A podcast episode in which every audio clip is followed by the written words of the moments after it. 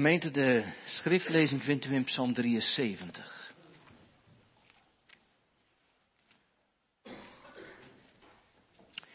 In de achterliggende weken heb ik Psalm 73 best op heel wat plekken in het pastoraat in Sillershoek gelezen. Met sommigen van u. Ook om verschillende gedeelten die daarin staan. En soms heb je het dan op je hart om daar ook over te preken. Psalm 73. Ook gezien net de laatste week hebben we een aantal keren psalmen gepreekt rond oud en nieuw. En eh, in adventstijd, psalm 43. En dan nu psalm 73. Een psalm van Asaf. Ja, God is goed voor Israël, voor hen die zuiver van hart zijn. Maar wat mij betreft, mijn voeten waren bijna uitgegleden. Mijn schreden waren bijna uitgeschoten. Want ik was jaloers op de dwazen toen ik de vrede van de goddelozen zag. Tot aan hun dood zijn er immers geen boeien en hun kracht is fris. Ze verkeren niet in moeite zoals andere stervelingen. Ze worden niet gekweld met andere mensen. Daarom hangt de hoogmoed hun als een ketting om de nek. Met geweld, het geweld bedekt en als een mantel. Hun ogen puilen uit van vet. Ze hebben de inbeeldingen van hun hart overtroffen. Ze spotten. En ze spreken bozaardig van onderdrukking en spreken uit de hoogte. Ze zetten hun mond op tegen de hemel. Hun tong wandelt honend rond op aarde. Daarom kan Gods volk ertoe komen, wanneer er een volle beker water voor hen uitgeperst wordt, dat zij zeggen, hoe kan God het weten? Zou de Allerhoogste er weet van hebben? Zie, deze zijn goddeloos. Toch hebben ze in de wereld rust en vermeerderen hun vermogen. Ja, voor niks heb ik mijn hart gezuiverd en mijn handen in onschuld gewassen, want de hele dag word ik gekweld. En mijn bestraffing is er iedere morgen. Als ik zou zeggen, ik zal ook zo spreken, of ik zal dat ook doen, dan zou ik ontrouw zijn aan al uw kinderen. Toch heb ik nagedacht om dit te kunnen begrijpen, maar het was moeite mijn ogen. Totdat, totdat ik in Gods heiligdom binnenging en op hun einde lette. Ja, u zet hen op gladde plaats, u doet hen in verwoesting vallen. Hoe worden zij in een ogenblik tot een verwoesting? Ze worden weggevaagd, komen om door verschrikkingen. Zoals een droom vervaagt bij het ontwaken, zult u, Heer, als u wakker wordt, hun beeld verachten. Toen mijn hart verbitterd was en ik in mijn nieren geprikkeld werd, hoe onverstandig was ik toen, ik wist niks. Ik was een redeloos dier bij u. Niettemin zal ik voortdurend bij u zijn. U hebt mijn rechterhand gegrepen, u zult mij leiden door uw raad. Daarna zult u mij in heerlijkheid opnemen. Wie heb ik behalve u in de hemel? Naast u vind ik nergens vreugde in op aarde. Bezwijkt mijn lichaam en mijn hart, dan is God de rots van mijn hart en mijn, voor eeuwig mijn deel. Want zie, wie zich ver van u houden, zullen omkomen. U verdelgt alle die als in hoererij u verlaten. Maar wat mij betreft, het is voor mij goed dicht bij God te zijn. Ik neem mijn toevlucht tot de Heere Heere, om al uw werken te vertellen. Tot zover onze schriftlezing. En in de preek wil ik met name straks de focus leggen op eh, vers 23 en 24. Je kunt ook zeggen, daar gaat de preek heen. Gaandeweg niet te min, of nochtans, misschien is dat wel een mooie woord, nochtans zal ik voortdurend bij u zijn. U hebt mijn rechterhand gegrepen, u zult mij leiden door uw raad, en daarna zult u mij in heerlijkheid opnemen.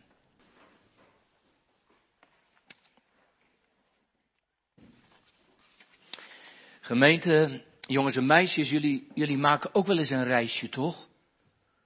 Soms ga je op zaterdag wel eens ergens naartoe. Of soms ga je op eh, vakantie ergens heen. En als je dan terug bent, dan, dan vertel je de verhalen. Waar ben ik geweest? En, en hoe is de reis gegaan? En, en hoe ging het toen we terugkwamen? Mooi. Wist jij eigenlijk dat, dat je eigen leven is ook een soort reis? Weet weet je wanneer die begonnen is? Toen je in de buik van mama zat. Toen nog niemand wist dat jij er zat. Behalve God. En toen begon het, en toen begon je te groeien, en, en toen wisten papa en mama het ineens wel, en toen ben je geboren, en toen ben je een kind, en dan word je steeds ouder. De Bijbel zegt dat is ook een soort reis. Een soort reis van de buik van je moeder helemaal naar. En weet je, weet je waar de Heere God graag wil dat jij naar op reis bent? Nou ja, naar de hemel natuurlijk. Dat jij op jouw reis helemaal op reis gaat naar de hemel en op een dag bij hem bent. En dat je dat verhaal dan vertelt. Er is een heel mooi boekje, misschien ken je dat wel. Dat heet De Christenreis. Wil je het wel zo gehoord? De Christenreis. Moet je even onthouden. Dat is een heel mooi boekje. En dat is ook voor kinderen verteld. Dat gaat over het reis van iemand die, die gelooft. Van helemaal het begin tot het eind in de hemel. Gemeente Psalm 73, ik begin niet voor niets met de kinderen zo, is, is ook een reisverslag. Nee, nee, niet, niet van iemand die een vakantiereisje achter de rug heeft of iets dergelijks, maar, maar, maar, maar de dichter heeft, heeft een levensreis gemaakt. De dichter is Asaf, is niet de kleinste, dirigent in het tempelkoor. En onderweg gemeente heeft Asaf heel wat meegemaakt. En, en het had niet veel gescheeld. Of hij was niet thuisgekomen. Bijna was hij er geweest. Bijna, zegt hij, waren mijn voeten uitgegleden en mijn schreden waren haast uitgeschoten. Je kent dat wel, jongelui. Je wandelt in de bergen en je gaat net langs een te smal richeltje en je blijft nog net op de been. Nou, dat zegt hij. Hij zegt, ik, ik liep langs het randje, langs de afgrond en ik, ik viel hem bijna in. Nee, nee, nee, nee, dat bedoelde hij trouwens niet letterlijk. Dat bedoelde hij geestelijk, figuurlijk. Op de, op de levensreis van het geloof gemeente heeft hij bijna schipbreuk geleden. Bijna schipbreuk. Bijna, zegt hij, bijna ben ik verloren gegaan. Dat is wat. Gemeente, u hoort wel, die, die levensreis van de dichter was dus niet bepaald altijd makkelijk. Hij was wel zeer gelovig. Asaf is een trouw bezoeker van de tempel. Hij heeft er zelfs een functie. En wie de psalmen van Asaf leest, want er zijn er meer, die, die ontdekt in hem een diep gelovig mens. iemand die, die het geloof serieus neemt en die erover nadenkt. Maar, maar gemeente, de levensreis van het geloof gaat niet altijd over rozen, toch? Soms zijn er van die periodes in je leven dat, dat het allemaal niet zo duidelijk is. En dan kan het blijkbaar zo ver komen dat je, dat je het zicht op God verliest. Dat je allemaal niet meer weet. En misschien wel alles eruit kwijt te raken. Misschien zit er wel vanmorgen hier iemand of thuis die dat herkent. En, daarom, daarom zegt Asaf met verwonderde verbazing, niet te min zal ik voortdurend bij u zijn, onze tekst. Hè? Niettemin, er is blijkbaar iets gebeurd. Luther vertaalt met, nochtans zal ik voortdurend bij u zijn. Nochtans. En, en je hoort in alles de verwondering. Als je dat woordje nochtans hoort gemeente, of zoals in de haasfeest dat niettemin, dan, dan zeg je daar eigenlijk mee, alles pleit er tegen, maar toch mag ik voortdurend bij God zijn. Is het gebleven, dicht bij Hem? Gemeente, dat is, dat is voor, voor Asaf dus geen logica, niet vanzelfsprekend. Asaf is niet zo'n soort gelovige die zegt, nou ja, ik geloof dus. En Jezus is aan mij zei, dus. Nee, nee, nee, Asaf had te maken gekregen met een fors probleem in zijn leven. Waardoor hij, waardoor hij juist niet dicht bij God was. En het niet zo ervaarde en, verder bij hem vandaan raakte. En, en nee, gemeente, de, de nood leerde hem niet bidden, zoals wij wel eens zeggen. Maar, maar nood raakte, maakte juist dat hij aan twijfelen raakte. Zou het allemaal wel waar zijn? En, en die Asaf, die, die, die, die uh, kwam in een crisis terecht. Weet, weet, u, weet u trouwens waar hij echt de meeste moeite mee kreeg? En, er zullen vanmorgen wel mensen zijn die dat herkennen. Hij, hij kreeg er moeite mee hoe God soms je leven leidt. Hij begreep gewoon Gods handelen niet. Weet u waarom niet? Kijk, hij keek ook in de wereld om zich heen. Jongelui, die Azef is een gewone man.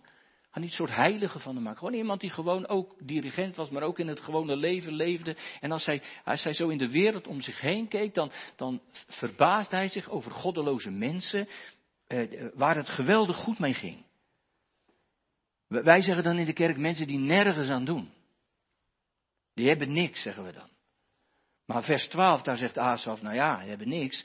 Zij hebben in de wereld rust. Gelovigen zijn wel eens geneigd te zeggen, ja, als je ongelovig bent, dan heb je altijd onrust. Nou, dat is helemaal niet zo. Dat zou je wel willen misschien. Maar jongelui, ik ken heel veel pertinent ongelovige mensen, die hebben hartstikke veel rust. Asaf zegt, dat zie ik ook. En, en hij zegt, zo de rijker en rijker, ze vermeerderen vermogen. En dat terwijl ze zich in en doen en laten verzetten tegen God. Ze spotten tegen hem. En, en hoe vergaat het ze geweldig. Is moeilijk, hè? Gemeente, dat moet je niet meteen inslikken. Dat is moeilijk. Er zijn er meer in de Bijbel die dat niet begrepen. Jeremia, de profeet, begreep er ook geen sikkepit van. Hij zegt in Jeremia 12, vers 1: Waarom is de weg van de goddelozen voorspoedig? En waarom hebben zij rust, alle die trouweloos en ontrouw handelen? Nou, en Job, Job kon er ook niet bij. Dan zit wel in vers, e, er zit wel in hoofdstuk 21, hè? er zijn al heel wat gesprekken geweest. En, daar, en dan zegt Job, eh, waarom, Heere God, worden de goddelozen oud en worden ze geweldig in vermogen? Ja. Hij was zijn kinderen kwijt, hè. waarom worden de goddelozen oud? En die kinderen worden oud? En ik? Gemeente, heeft u er ook wel eens vragen bij? Net, net als Asaf. Dat, dat als je om je heen kijkt in de wereld om je heen, mensen die niets met geloof doen. En, en voor het oog staat het geluk en de welvaart ervan af. Ja toch jongelui, en je denkt ook nog wel eens, en ze mogen alles. Hoe kan dat dan? En weet, u, en weet u wat de moeite van Asaf groter maakte? En misschien was dat wel de bottleneck, dat, dat hij in, zijn eigen leven als gelovige juist tegenslag en kruis zag. Bij, bij, bij de gelovigen ziet hij moeite op moeite. Misschien had hij zelf wel iets meegemaakt. Denk het wel. En, en dacht hij bij zichzelf, hoe, hoe is dat nou mogelijk? waarom overkomt mij dit? Dat kan toch gemeente? Dat, dat je dat denkt. Dat, dat je zegt, waarom moeten wij dat meemaken? Waarom? Weet God eigenlijk wel van me af? Maakt het eigenlijk wel uit of ik geloof? Want wie niet gelooft, heeft nergens last van. En, en dan spreek je met iemand die dat gevoel ook nog eens versterkt. Die al lang gebroken heeft met kerk en, en geloof. En, die vindt het geloof beklemmend en uh, beperkend en benauwend. En, en, als je dat naast je neergooit, dan komt er vrijheid en blijheid en, en onbeperkte mogelijkheden. Kijk, dat is allemaal niet zo. Maar gemeente, wie, wie heeft dat nou nooit eens gedacht?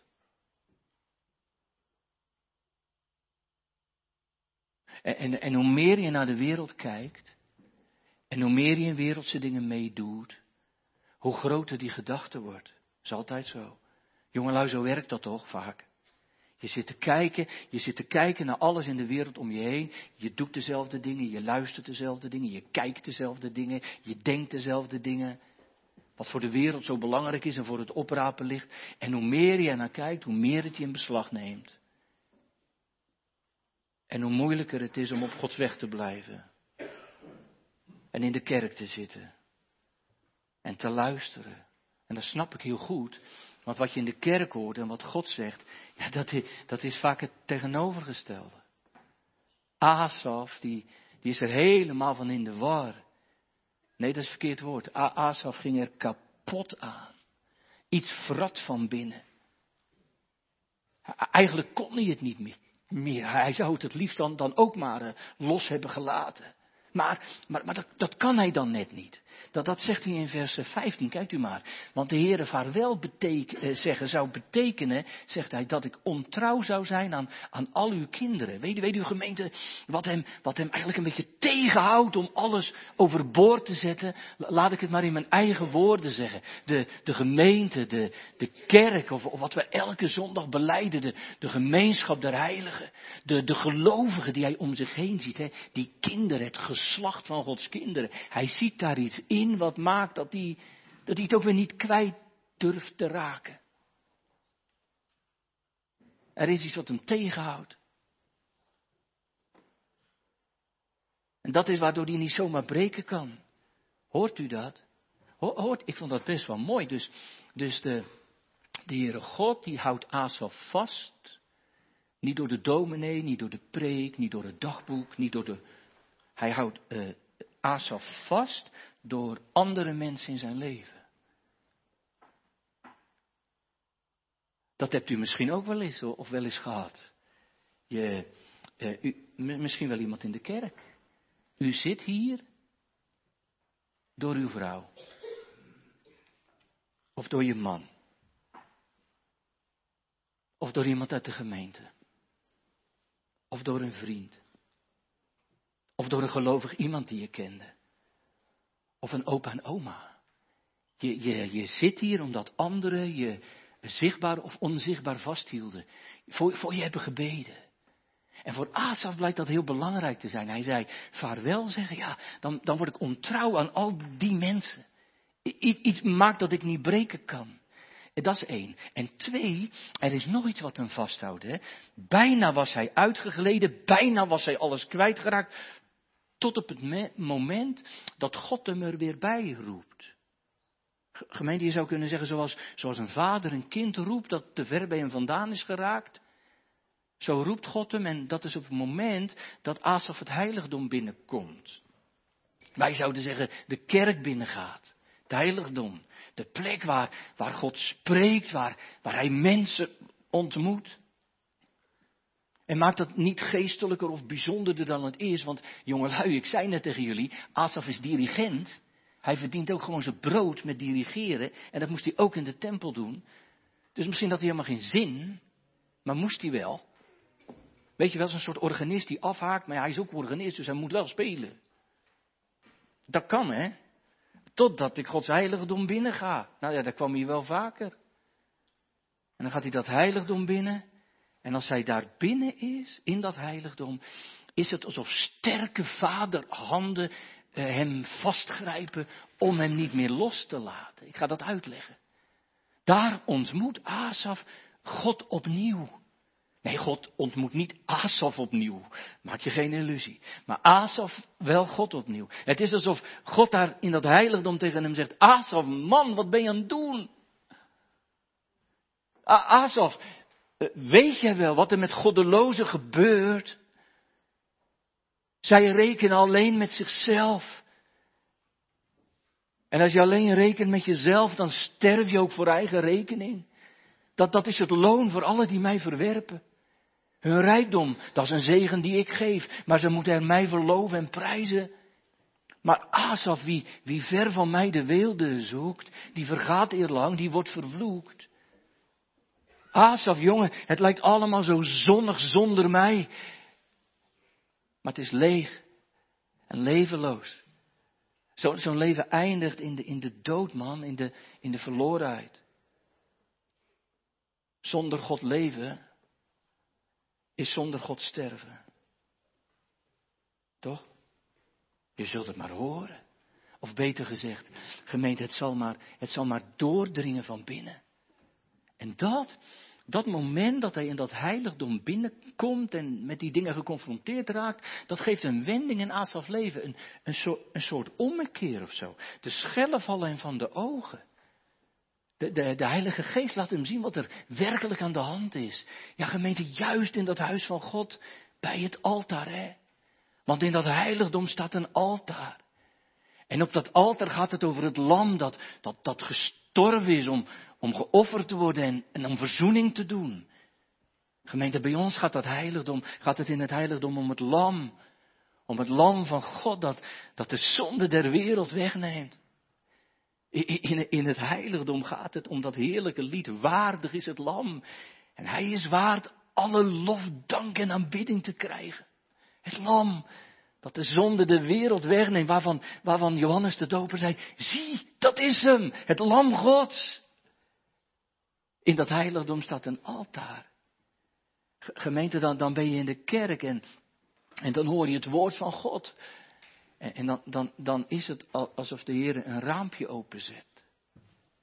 Waar, waar je even doorheen moet kijken. En, en waar, waarin hij zegt, mijn kind, kijk nou eens goed. Kijk nou eens goed waar het om draait.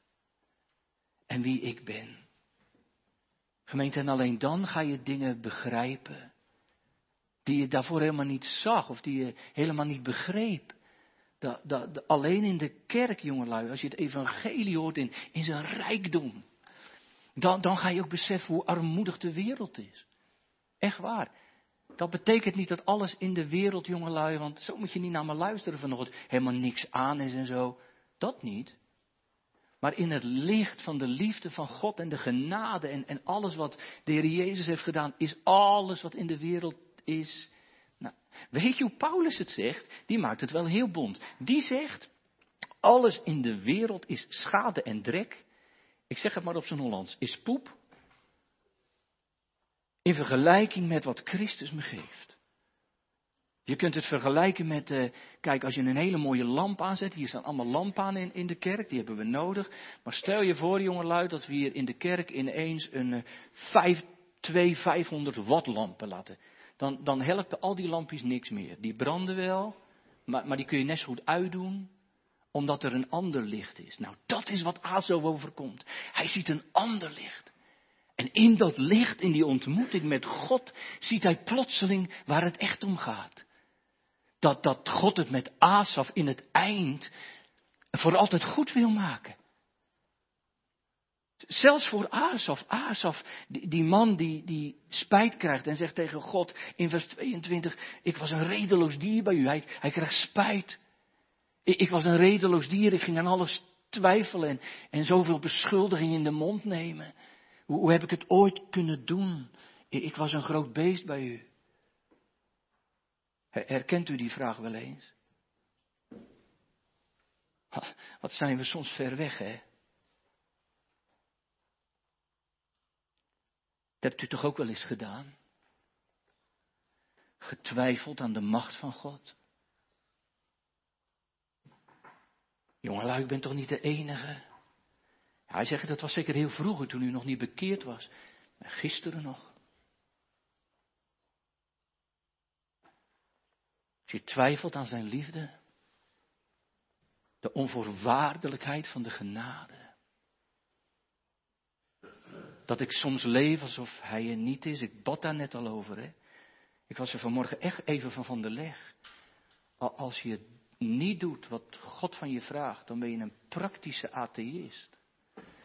Dat is dus een boekje van Tim Keller. En eerst dacht ik, eh, mijn eerste gedachte was, doe even normaal joh. En mijn tweede gedachte was, ja, als ik leef alsof Geertje niet bestaat, dan doe ik alsof ik niet getrouwd ben. En als ik doe alsof ik niet getrouwd ben, dan doe ik alsof zij niet bestaat. Ik, ik kan wel een beetje begrijpen dat Asaf denkt, dat is beestachtig hoe ik ten opzichte van u ben. Afsa schaamt zich er diep voor.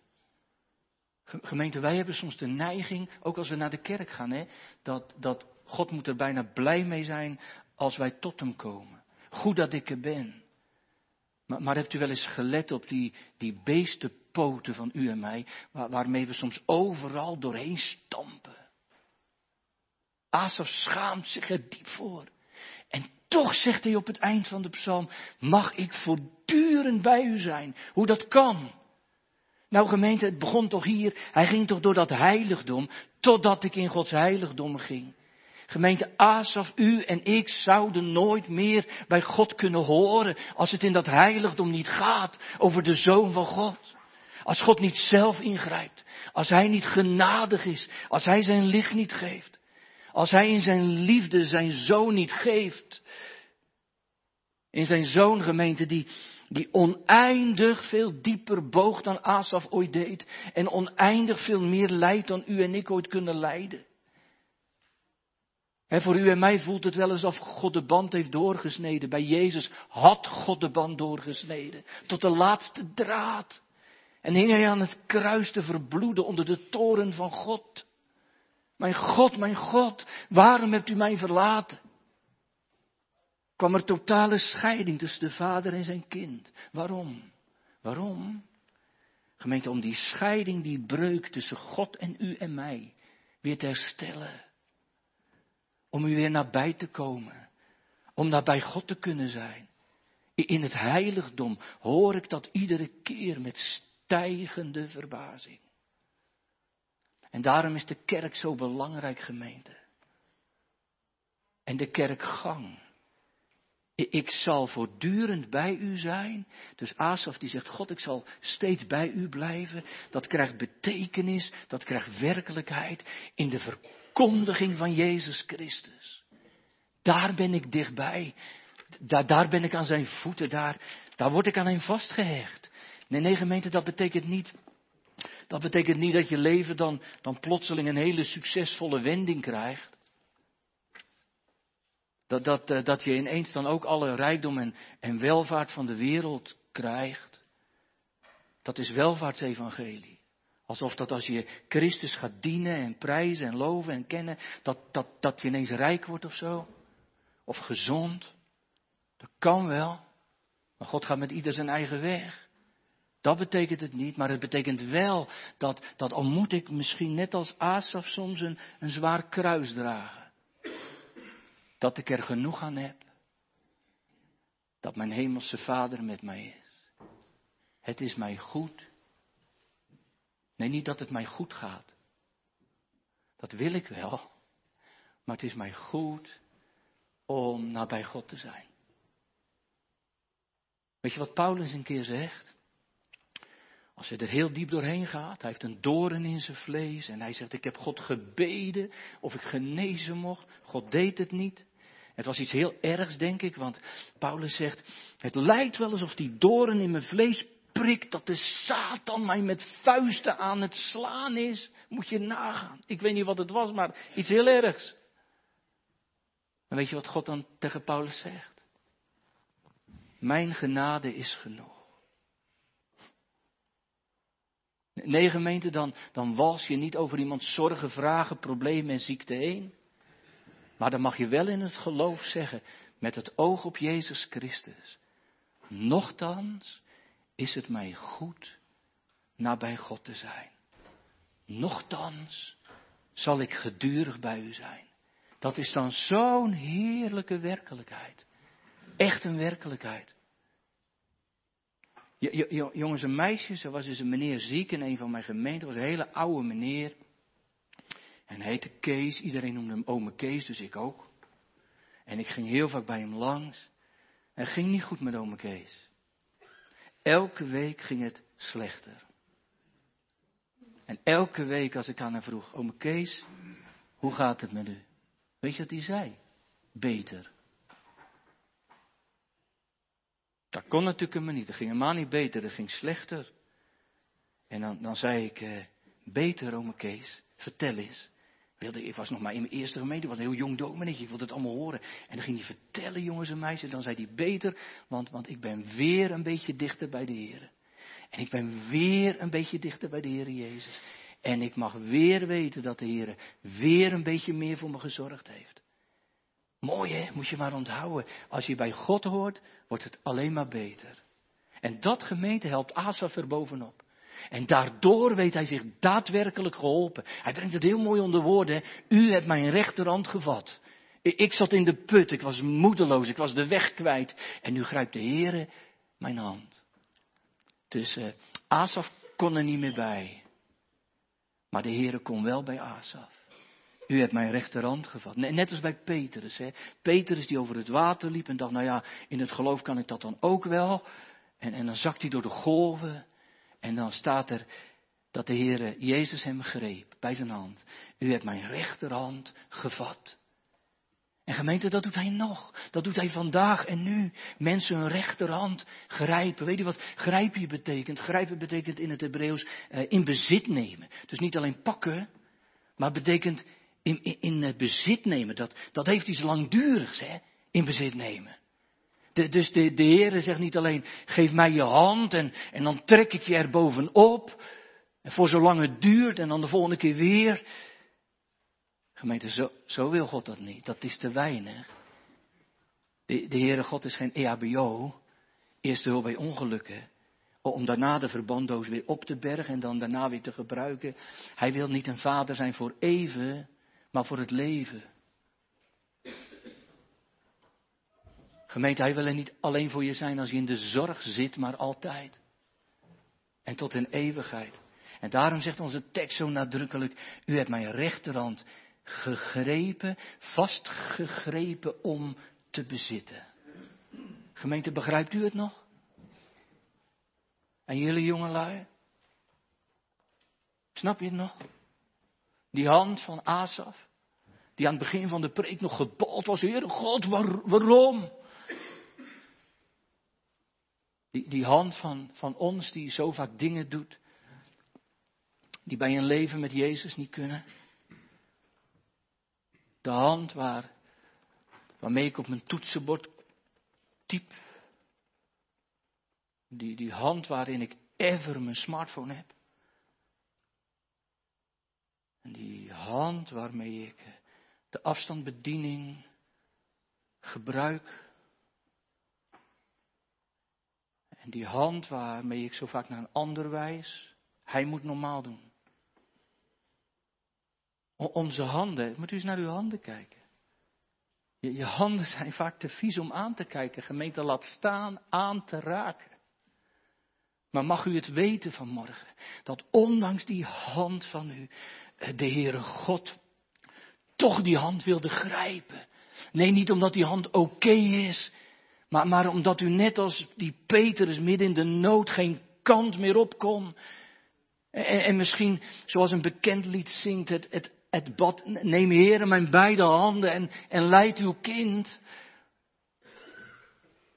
U hebt mijn rechterhand gevat en, en er staat rechterhand, hè. Gemeente rechterhand, dat, dat noemen wij bij de kinderen je goede hand. Als je links bent, dan is links je goede hand. Dan moet u hier lezen, hij heeft mijn linkerhand gevat. Echt waar.